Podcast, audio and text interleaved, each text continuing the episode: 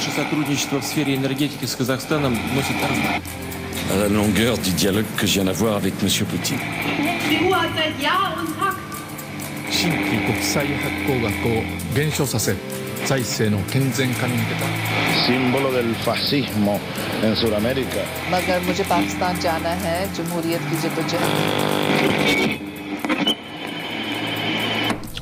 Den arabiske våren av 2011 satte sitt preg på verden. I land som Tunisia var dette fødestadiet for landets demokrati. I Syria var det inngangen til en blodig borgerkrig. I Libya ble det starten på et diktaturs fall og en total kollaps av sentralmyndighetenes makt. Seks år senere har ikke situasjonen forbedret seg. Mange forskjellige fraksjoner slåss, ikke bare om makt for å styre landet, men òg for å beholde den makten de allerede har. Alt fra IS til gamle rester, Gaddafi sitt regime slåss for kontroll. Om ikke det var nok, har sentralmyndighetenes kollaps ført til at Libya har blitt et viktig reisepunkt for alle som ønsker å komme seg til Europa. Pga. den store migrantstrømmen har EU tatt et drastiske tak for å sikre situasjonen. Italia har nådd smertegrensen for hvor mange migranter de kan ta inn i landet. Med mange EU-land som nekter å ta imot flyktninger, så gjør unionen alt de kan for å hindre at flere migranter prøver å krysse Middelhavet, inkludert å sponse militser for å hindre at de krysser. Libya er et land som lenge har gjennomgått mange vanskeligheter, og det ser ikke ut til å ta slutt i nærmeste fremtid. Vi kommer til å diskutere hva fremtiden innebærer for landet, og hva slags effekter det kan ha. Med meg i studio har jeg Sol Simone Nag og Olav Widsvang. Mitt navn er Magnus Nordahl Røtnes. Du lytter på Utenriksmagasinet MIR. Vi kommer straks tilbake. Har du selv hatt samtale med Meshal? Nei. Kan vi ikke ta eh, opp opptaket på dette eh, på ny? Hvis du heller ikke fikk med deg alle spørsmål, kan du høre alle våre sendinger på iTunes og srib.no.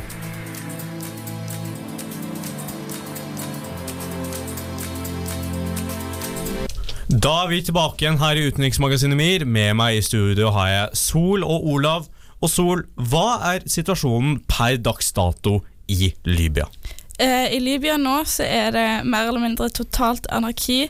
Det er flere eh, styrer og regimer som eh, kjemper om makten. De har et som er backa opp av FN, og et som er mer eller mindre bare et sånn general... Eller sånn militært styre. Eh, I tillegg så er det utrolig mange flyktninger pga. dette her. De er flyktninger inn, innad i Libya, og det kommer òg utrolig mange fra resten av Nord-Afrika som har lyst til å komme seg eh, opp til eh, Europa via Libya. Eh, og nå i september så har eh, de to eh, på en måte eh, lederne av disse styrene i Libya gått sammen med Macron, presidenten i, i Frankrike, om å inngå en våpenhvile.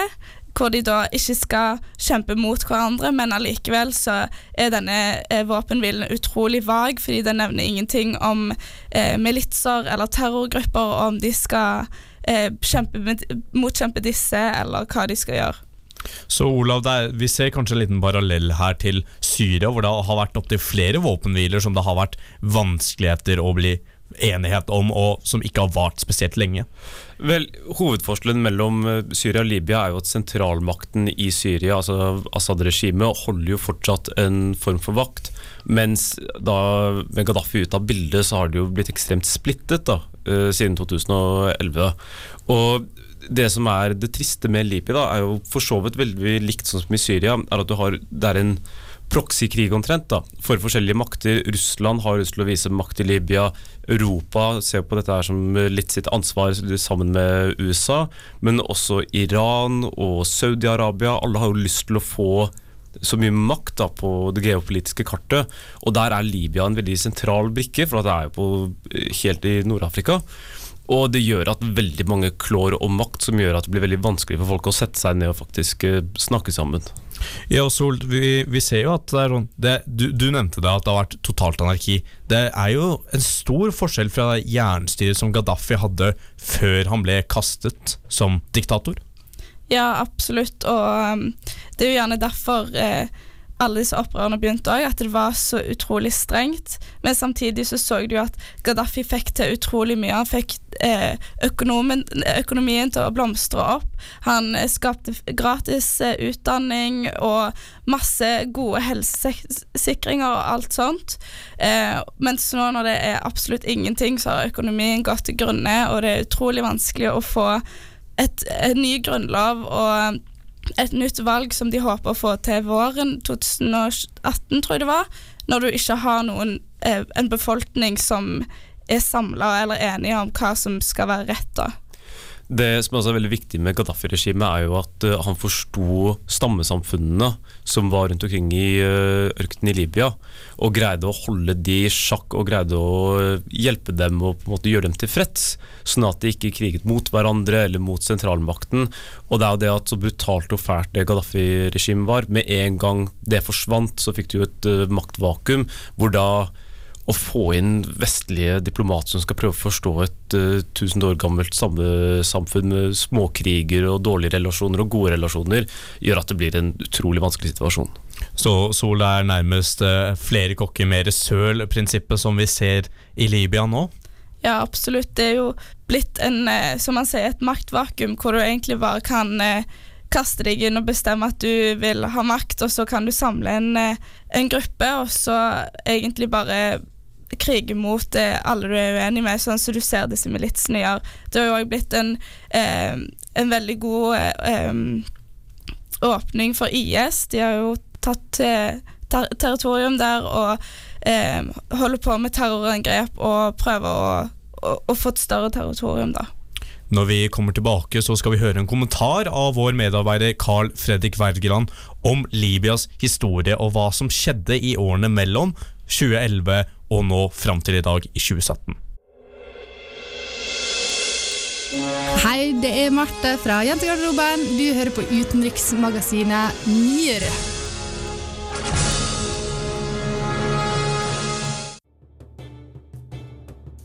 I 2011 bryter den arabiske våren ut for fullt, og ikke lenge etter sprer den seg til Libya, hvor diktatoren Muammar al-Gaddafi har regjert siden 1969.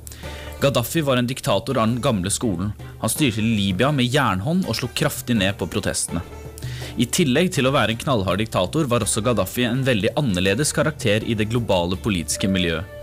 Under et FN-toppmøte i New York i 2009, rett før den arabiske våren bryter ut, skulle Gaddafi være til stede når generalforsamlingen hadde møte. Gaddafi så sitt snitt til å sette sitt preg på møtet, og slo derfor opp et stort beduintelt midt i New York, til stor begeistring og beundring fra de mange skuelystne. Men hvordan slår man opp et telt midt i New York, lurer, kanskje du på. Jo, da må du ha noen kontakter. Etter å ha fått avslag på å slå opp beduinteltet sitt i Central Park, kontaktet Gaddafi ingen ringere enn dagens amerikanske president Donald Trump. Trump var ikke snau og øynet muligheten for å tjene noen dollar. Han ga Gaddafi klarsignal for å slå opp teltet sitt på Trumps eiendom i Bedford, New York. Trump har innrømmet i ettertid at han tjente mye penger på å leie ut teltplassen til Gaddafi, men at han ikke ante at det var Gaddafi som teltet der. Når Gaddafi så vende hjem til Libya etter FN-toppmøtet i 2009, skulle alt gå mye trådere for han. Den arabiske våren sveiper nå gjennom store deler av Nord-Afrika og Midtøsten, og det tar ikke lang tid før den treffer Libya. Den 15. februar 2011 bryter det ut protester i Libyas nest største by, Benghazi. Gaddafis sikkerhetsstyrker svarer kontant i håp om å kvele protestene i sin spede begynnelse, og begynner derfor å skyte på protestantene. Dette hadde ingen god effekt for Gaddafi, og protestene sprer seg raskt til resten av Libya. FNs sikkerhetsråd var nå kjapt ute med å legge sanksjoner mot Gaddafi og regimet hans, og allerede den 26. februar, elleve dager etter de første protestene, legger de tunge sanksjoner mot Gaddafi og hans innerste sirkel. Men Gaddafi gir seg ikke med det første. Han har ikke tenkt å gi fra seg makten uten kamp. Gaddafis styrker kjemper knallhardt og tar tilbake flere byer fra opprørerne. Sikkerhetsrådet i FN tar videre grep for å beskytte sivilbefolkningen i Libya, og den 17. mars 2011 vedtar de resolusjon 1973. Den åpnet for bruk av alle midler for å beskytte sivilbefolkningen i Libya. Med dette trer også Nato og fredsnasjonen Norge inn i konflikten. Seks norske F-16-fly setter kursen mot Libya, og i løpet av krigen slippes det nesten 600 bomber over Libya. Flere av disse over tettbebygde strøk. Selv om Nato-operasjonen og Norges innsats i krigen har vært kraftig debattert og kritisert, så bidrar den i hvert fall til at Gaddafis regime faller i løpet av høsten 2011. Bare åtte måneder etter at de første protestene brøt ut. Men selv uten Gaddafi skulle ikke situasjonen i Libya vise seg å bli noe enklere for sivilbefolkningen. Etter Gaddafi-regimets fall oppstod et maktvakuum i landet, og en kaotisk borgerkrig oppstår. Over de neste årene får Libya oppleve at flere grupperinger slåss internt om makten i landet, noe som bl.a. førte til at IS fikk fotfeste i landet. Det ble også rapportert om brutale menneskerettighetsbrudd, attentater og utallige kamper mellom forskjellige militser som kjemper seg imellom om makten i landet og tilganger til landets store oljeforekomster. Det tar heller ikke lang tid før Europa får oppleve konflikten i Libya på nært hold. Flere hundre tusener av Libyas befolkning blir drevet på flukt, og mangelen på en fungerende stat gjør at menneskesmuglere kan operere fritt i landet, noe som fører til at enda flere mennesker fra andre land i Nord-Afrika og Midtøsten bruker landet som utreisepunkt for den farefulle ferden over Middelhavet og til Europa. I årene som følger får Europa kjenne på den største flyktningskrisen siden andre verdenskrig. Den libyske borgerkrigen har dermed fått ringvirkninger langt utenfor landets egne grenser. Men hvordan er situasjonen i Libya i dag? Situasjonen i Libya er fortsatt kaotisk. Landet er preget av krig, rivaliserende regjeringer og militant islamisme. Den politiske situasjonen etter borgerkrigen har vært preget av stor politisk ustabilitet. I 2014 ble landet delt i to rivaliserende parlamenter og én regjering. Høyesterett i Libya underkjente det ene parlamentet, som tidlig hadde fått bred internasjonal anerkjennelse. Det er fortsatt knyttet stor usikkerhet til hva som er veien videre for Libya. Hvem skal ta lederrollen i landet? Og klarer landet med en så blodig fortid å ta steget mot en mer demokratisk retning? Det er i hvert fall det man håper på, og den nylig valgte franske presidenten Emmanuel Macron meldte den 25. juli i sommer at to av hovedrivalene i Libya var kommet til enighet om at landet skulle holde valg våren 2018. Så da vil tiden vise om Libya klarer å bryte med sin turbulente fortid og ta steget inn i en mer demokratisk retning. Mitt navn er Jørgen, jeg kommer fra Banalpolitikk, og du hører på utenriksmagasinet MIR. Jørgen har helt rett. Du hører på Utenriksmagasinet MIR. Med meg i studio har jeg Sol og Olav. Olav, vi ser jo at det er mange forskjellige fraksjoner som slåss om makten i Libya, men den store flyktningstrømmen som har vært de siste årene, har begynt å gå nedover. Hvordan er det mulig?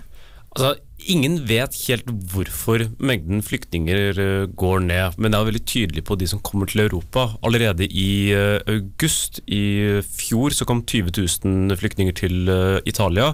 Nå har færre enn 4000 omtrent kommet.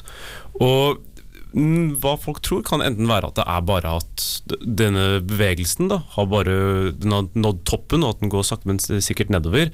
Men det er også en stor sannsynlighet for at nå har EU og de forskjellige kystlandene i uh, Middelhavet jobbet mye mer hardere da, for å passe på at de ikke kommer til Europa. Og Noe av dette her er jo litt banalt, f.eks. at EU nå ikke selger gummibåter til Libya lenger i, et forsøk på å gjøre at det blir færre som kommer over til sjøs. Men mye av det er at uh, selve flyktning... Nei, menneskesmuglerrutene har blitt stoppet opp mye mer. En av hovedgrunnene er at uh, eh, EU eh, e og de forskjellige maktbasene i Libya har blitt mye mer involvert, men også at flyktningene har funnet bedre ting å tjene penger på. Ja, du ser, vi snakker om eh, at flyktningtallene har gått ned, så har Libya gått ut og sagt at de ser på NGO-er som kommer og hjelper å redde eh, gummibåter, at de ser på dette som en eh, svikt av deres suverenitet, at de føler at de på en måte angriper Libya litt, eller fornærmer dem litt. Så det Libya har bestemt seg for å gjøre, er å utvide, utvide sin, eh, sitt territorium territoriale farvann, beklager, fra 12 til 70 nautiske mil. Eh, og det gjør at eh, f.eks. Redd Barna eller Leger uten grenser ikke kommer langt nok inn um, i det internasjonale farvannet til å kunne redde gummibåtene. Du ser på, Fra statistikk fra 2014, 15 og 16 så ser du at disse veldedighetsorganisasjonene som redder flyktninger, har kommet stadig nærmere kysten til Libya for å redde flyktninger. Dette òg kan være en grunn til at flyktninger ikke lenger tør å eh, å begi seg ut på, i gummibåter, for at de ser det at nå er det ikke lenger lov eller like lett for veldedighetsorganisasjoner til å plukke de opp og redde de. Det bør også sies at uh, flyktning, Når vi snakker om at det er færre flyktninger som kommer, så er det veldig viktig å si at det er færre flyktninger som kommer til Europa. For Noe av det tragiske er jo disse flyktningleirene som er langs den libyske kysten, hvor mennesker lever i så å si de verste tilstandene man kan se for seg. Altså, Flyktningleirer er jo ikke trivelige i første omgang, men dette her er jo flyktningleirer som er i de mest lovløse tilstandene som fins på jorden, hvor du har store slavemarkeder hvor eh, kvinner og barn blir eh, solgt til eh, prostituerte og, arbeids, og til arbeid også som soldater. Og den lovløsheten da, som flyktning, som flyktningene kommer til, gjør at det blir en nesten større humanitær uh, krise. For hvis de kommer til Europa, så er det jo så klart altså eh, Flyktningleirer på den europeiske siden av Middelhavet er ikke nødvendigvis de triveligste stedene på jorden, men de som er i Libya, er virkelig helt forferdelige. Så det er ikke som at dette problemet bare har forsvunnet, men det har bare blitt skjøvet mer til den afrikanske siden av Middelhavet. Ja, det sier litt sol når det er så mange mennesker som prøver å krysse Middelhavet fra Libya til Italia, og det sier litt om hva de må flykte ifra, om de virkelig må bo i slike tilstander som Olav beskriver. Ja, absolutt. Den eh, ruten fra Libya til Italia er den aller, aller farligste, og den har blitt stadig mer eh, populær nå etter eh, EU- og Tyrkia-avtalen. Og derfor ehm, så blir jo dette et problem, og de som da velger å ofre så utrolig masse for å begi seg ut på denne store ferden, har jo utrolig mye å flykte fra. Det er terrorangrep, både i flyktningleirer eh, og overalt i alle byer. Eh, I tillegg, så, som Olav nevnte, er det utrolig mye slave, eh, slaveri og menneskehandel og utnytting, voldtekter, og det er så utrolig masse som Masse forferdeligheter som de ønsker å da komme seg vekk fra. Når vi kommer tilbake igjen, så skal vi snakke om nettopp EU sin involvering i Libya, og hvordan de har nådd smertegrensen for hvor mange mennesker de kan ta inn i unionen, og prøver å komme på nye løsninger. Mir var en sovjetisk romstasjon som i utgangspunktet var bygget for å vare tre år. Den varte til sammen 16. Som sin navnebror strekker utenriksmagasinet Mir seg ekstra langt for å gi deg det beste utenriksstoffet. Jørgen har helt rett igjen. Vi er tilbake her i Utenriksmagasinet MIR. Med meg i studio har jeg da Sol og Olav. Og Sol, vi snakket litt om EU i forrige stikk. Kan du forklare hvorfor de er så opptatt av å ha kontroll over flyktninger som kommer fra Libya? Vi står i Europa overfor en stor flyktningkrise, og de aller fleste flyktningene kommer jo til Europa. Eh, og Italia sine, sin kapasitet er mer eller mindre sprengt, og det er kun Sverige og Tyskland som har vært villige til å ta inn flere eh, flyktninger enn det deres kvote har sagt. Og resten av oss er egentlig veldig kritiske til å ta inn flere flyktninger. Og som en respons på dette så har Europa valgt å støtte militser og kystvaktene i Libya i håp om at de skal ta seg av disse gummibåtflyktningene og hjelpe dem og få dem tilbake til land. I tillegg så eh, jobber de med å prøve å finansiere en form for sånn eh, overvåking på grensene fra Libya til grenselandet, sånn at eh, flyktninger fra eh, nabolandene ikke skal komme seg til Europa via Libya. For det, her viser det seg at det er veldig mange såkalte lykkejegere som kommer, eller utnytter situasjonen til å flykte til Europa. Altså, det som er viktig, er jo at eh, måten EU og de forskjellige europeiske landene prøver å stoppe dette her på, er jo eh, Noe er pragmatisk, noe er eh, litt mer dodgy. Det som, en, det som har blitt gjort, for da, er å hjelpe å ta tidligere menneskesmuglere og gi dem jobb i det libyske sjø, i Sjøforsvaret og på Kystvakten, ved å da få dem til å pat- patruljere kysten. Og På den måten så prøver man da å kutte ned på mengden flyktninger, samtidig som at man prøver å gjøre at smugleapparatet og nettverket ikke blir eh, like lukrativt.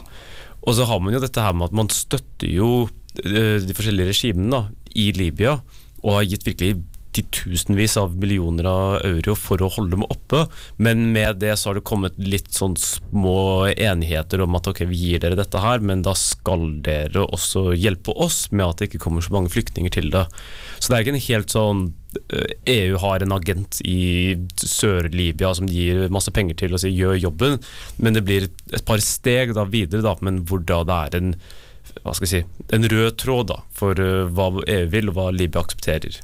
Og Sol, det er jo, som Olav sier her, det er mange litt sånn shady ting som øh, blir gjennomgått her. Men vi kan jo ikke være helt sikre på nettopp dette her. Det er jo litt vanskelig å få informasjon ut av Libya.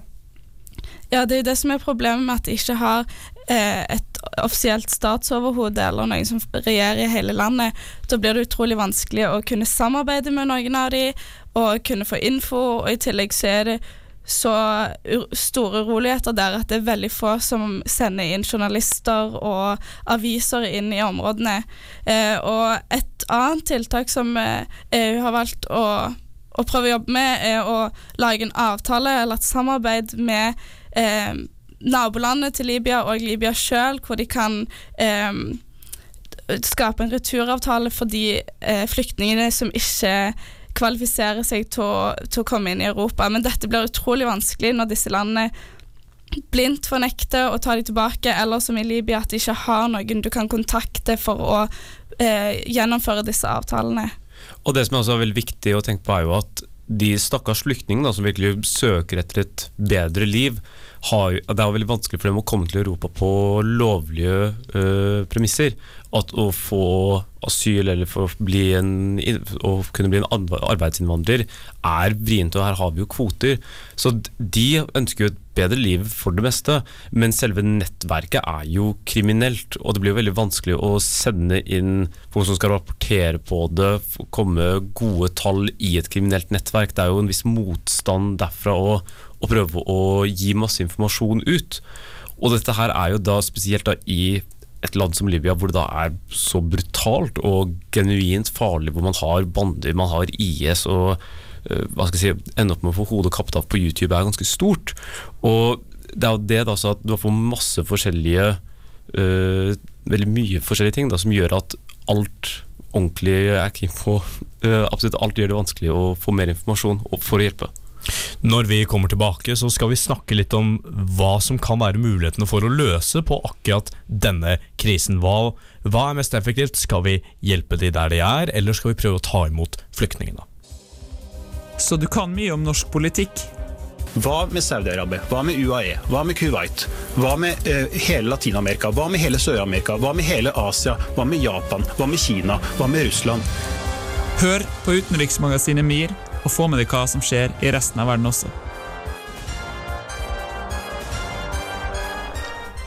Ja, vi er tilbake her i Utenriksmagasinet MIR, og nå skal vi ha en liten diskusjon her i studio om hvilke løsninger som faktisk kan fungere, om det er noen. Og Sol, hvilke, hvilke ville faktisk passet? At vi tar imot flyktninger, eller at vi prøver å hjelpe dem der de er nede i Libya? Jeg syns at uh, vi skal hjelpe dem her i Europa, vi skal la dem komme inn. Humanitært sett så kan det ikke være et alternativ for Europa å be båtene snu eh, og vende tilbake til Libya. Det, da kan du like så godt skyte hull i, gummibåten, syns nå jeg. Altså, det som er problematisk, er jo at dette her er jo et afrikansk problem, og jeg føler at løsningen er ikke i Europa. Det er et genuint spørsmål om at Afrika har, eller veldig store deler av Afrika, ikke alt så klart, sliter med å utvikle seg økonomisk, sliter med, å, sliter med vold, sliter med stor, mye konflikter. Og jeg tror genuint av at å tappe et kontinent for arbeidskraft både intellektuelt og fysisk ikke vil hjelpe i det lange løpet, da. Ja, Samtidig så ser du at eh, mye av grunnen til alle urolighetene i Nord-Afrika grunner jo faktisk helt tilbake til koloniseringen. Og akkurat i Libya så har til og med Norge stått for 15% av bombingen i 2011, og jeg syns at vi bør stå ansvarlig for det vi har gjort, og jeg tar konsekvensen av det og hjelper dem, og heller eventuelt komme med eh, en plan om å rydde opp i alt, og så hjelpe de å bygge opp nasjonen Ja, etterpå. ja, for Ola, har ikke vi egentlig en plikt til å hjelpe de som er i nød? Vel, først og fremst, altså ja, Norge var med på 15% av bombingen, men det var først og fremst for militærstyrkene til Gaddafi. Og mesteparten av de som kommer til Libya, er jo ikke libyere. Det er jo fra subsaharisk Afrika, det er fra Eritrea, fra Tsjad, Sentralafrikanske republikken og Vest-Afrika. Så at vi stoppet et militært regime fra å gå berserk på innbyggerne sine, er så sin sak. Men å få kontroll på Lib og få Libya til å komme på foten der, er jo det så, klart det aller viktigste. Men det er jo et tegn på et større problem at Afrika sliter med å, å gi tjenester. Da, og gi en sjanse for store deler av befolkningen sin for å kunne få et bedre liv. Og ja, det er jo viktig å få inn flyktninger og redde de som uh, trenger nød og er i en farlig situasjon, men det er en, altså Hvis man bare ser på klimaprognosen, da, på hvor mange klimaflyktninger det vil komme i løpet av de neste 100 årene, så er det snakk om en halv milliard mennesker omtrent. 250, 250 til en halv milliard mennesker. Og det er jo her et genuint spørsmål om at ja, vi skal være åpne og hjelpe de som er i nød, men det er jo en viss mengde da, som vi kan faktisk ha imot.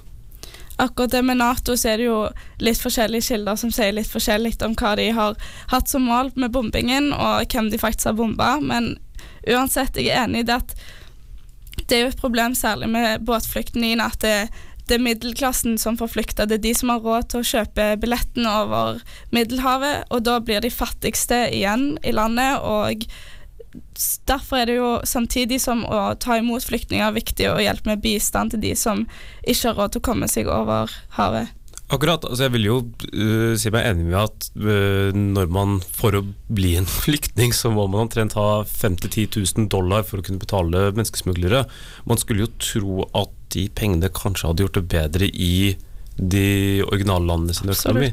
Og så klart, altså Det er veldig lett å sitte her og sydde om at hva som hadde vært best der i Afrika, men det er jo et genuint spørsmål om å faktisk gjøre disse landene fredfulle og gode og gjøre at økonomien deres blir bedre. Og ved å tappe den intellektuelle ressursen og fjerne middelklassen, tror jeg virkelig ikke i det lange løpet kommer til å være bra. Nei, det er jeg sånn sett enig i, men det er en utrolig kompleks og vanskelig situasjon. For samtidig som at du ikke kan tømme landet for flyktningene eller befolkningen, da, så, så syns jeg vi står overfor et ansvar eh, i Europa ettersom at vi har eh, tatt fatt i, i, i bombingen i 2011 og lagde mye oppstyr der. Um, samtidig så syns jeg det hadde vært eh, veldig ideelt hvis vi hadde hjulpet til med å beskytte grensene til nabolandet til Libya, i og med at det er så utrolig mange fra nabolandet som velger å utnytte situasjonen og flykte til Europa, og dermed tar eh, flyktningene sin plass på de båtene eller i, i flyktningleirer. Det var eh, egentlig alt den tiden vi hadde for å ha en diskusjon i studio i dag. Når vi kommer tilbake, så skal vi faktisk snakke litt om hva løsninger kan være. Hvilke argumenter er det som har mest vekt? For instance, there are prejudices about the age at which people can begin a new career. I will not make age an issue of this campaign. I am not going to exploit my opponent's youth and inexperience. Det er aldri for sent å lære noe nytt. Utenriksmagasinet MIR hører du mellom 11 og 12 hver fredag på Studentradioen i Bergen. Ja, vi er tilbake her i eh, utenriksmagasinet MIR. Med meg i studio har jeg da som sagt Sol og Olav. Olav, vi ser jo nå at det er ikke én helhetlig løsning som passer på hvordan vi skal ordne med konflikten i Libya. Altså, Det som er veldig vrient, da, er jo at flyktningkriser er jo en type folkevandring, nesten. At dette er jo en type hva skal jeg si, Det er en naturkraft omtrent. Hvis det er noe mennesker alltid har gjort, så er det å bevege på seg i store numre. Det har gått tilbake så lenge arten vår har eksistert. Og nå som vi har nasjonalstater og grenser, så blir det jo vanskelig for å komme med en enighet da, for alle de som har lyst til å komme seg vekk eller holde folk ute. Og hva de forskjellige løsningene skal bli, vil jo vanligvis gå utover noen. Og det er her man må tenke på at hva er det som er best for alle? Jeg syns det er kjempevrient med f.eks. i Europa, hvor det er folkevalgte politikere som skal representere folk, og et folk som ikke har lyst til å få inn flyktninger. Man skulle jo tro at deres demokratiske rett skal bli respektert, men man må innse at man må også hjelpe folk da, som kommer fra de verste kårene i verden. Samtidig så er det jo visse internasjonale regler vi har. Vi har jo en eh, mengde med flyktninger og asylsøkere vi kan få inn, og innvandrere. Og hvilke regler man skal bestemme seg å holde opp, da, humanitære eller eh, politiske, er kjempevrient. Ja, det er veldig vanskelig når du ser at store deler av befolkningen i land i Europa blir mer og mer eh, til høyre på den politiske aksen, og du ser at fremmedfrykten eh, øker betraktelig, og frykten for terror er jo en realitet. Du ser jo at i de landene som har tatt inn mange flyktninger, eller har problemer med flyktninger, så skjer det flere terrorangrep. Og i og med at disse store flyktningstrømmene kommer inn via Italia og resten av Sør-Europa, så er det utrolig vanskelig å eh, kontrollere hvem flyktningene er, selv når de ikke har papirer. Og da er det òg utrolig lett for terrorister en, en veldig enkel måte for terrorister å komme seg til Europa. Det som også er uh, problematisk, er at det er jo noen land som får en veldig tyngre byrde da, enn andre. Altså, så klart Italia og Hellas er jo de som står mest ut, for at det er de som grenser nærmest. Men også, som, som vi har nevnt i dag, at Libya sant, har jo en kjempevanskelig situasjon. Det er jo ille nok med samfunnskollaps, men da med hundretusener av flyktninger som man også da skal prøve å kontro øh, kontrollere og holde til rette, gjør jo at andre land må prøve å fokusere på én ting om gangen. Om man da har en så stor katastrofe som det også, blir det å finne en helhetlig løsning, da, når man har borgerkrig og alt. Ja, Sol, det er litt vanskelig å både fokusere på sikkerhet for sine interne borgere og fokusere på menneskeverdet for de som virkelig trenger hjelp. Ja, absolutt. Og jeg tror løsningen må være et eller annet sted mellom det å, å ta inn flyktninger til Europa og å hjelpe i eh, Libya, samtidig som å prøve å, å få en, eh, en, ekte, en skikkelig regjering opp eh, å gå. Fordi at eh, med en gang de får en skikkelig regjering som folk eh, kan stole på og høre på, så vil det med, en gang bli mye lettere å kunne bekjempe terror og alle disse små organisasjonene. Man har jo nå uh, lagd planer for å, finne, for å starte asylmottak i Libya, ikke sant?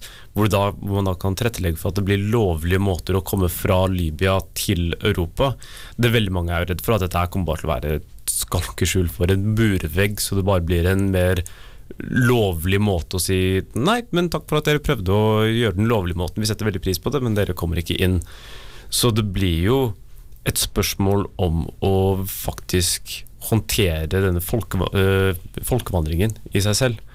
Og det kommer til å ta kjempestore internasjonale ressurser på tvers av to kontinenter. Det er ikke så veldig enkelt å finne en helhetlig løsning på denne konflikten. og Min hypotese blir jo at det kommer til å vare veldig veldig lenge før vi finner fred og stabilitet i Libya. Men vi begynner å nærme oss veis ende. Når vi kommer tilbake, så skal vi oppsummere hva vi har sagt denne gangen. Hei, dette er forsvarsminister Ine Eriksen Søreide. Du hører på utenriksmagasinet MIR. Ja, vi begynner å nærme oss veis ende her i utenriksmagasinet MIR. Sol, hva er det vi har gått gjennom i dag? Vi har snakket om eh, situasjonen i Libya per dags dato, og hvorfor flyktningene, eller flyktningstrømmen til Europa har gått ned i det siste. Vi har også diskutert eh, EUs involvering, hatt en liten diskusjon om hva løsningen kan være, og så klart hvordan dette her kan bli løst i fremtiden. Eh, jeg vil også veldig gjerne takke vår medarbeider Carl Fredrik Wergeland for den kommentaren han lagde. Jeg vil også gjerne takke dere som har vært i studio, Sol Simona Nag og Olav Widsvang.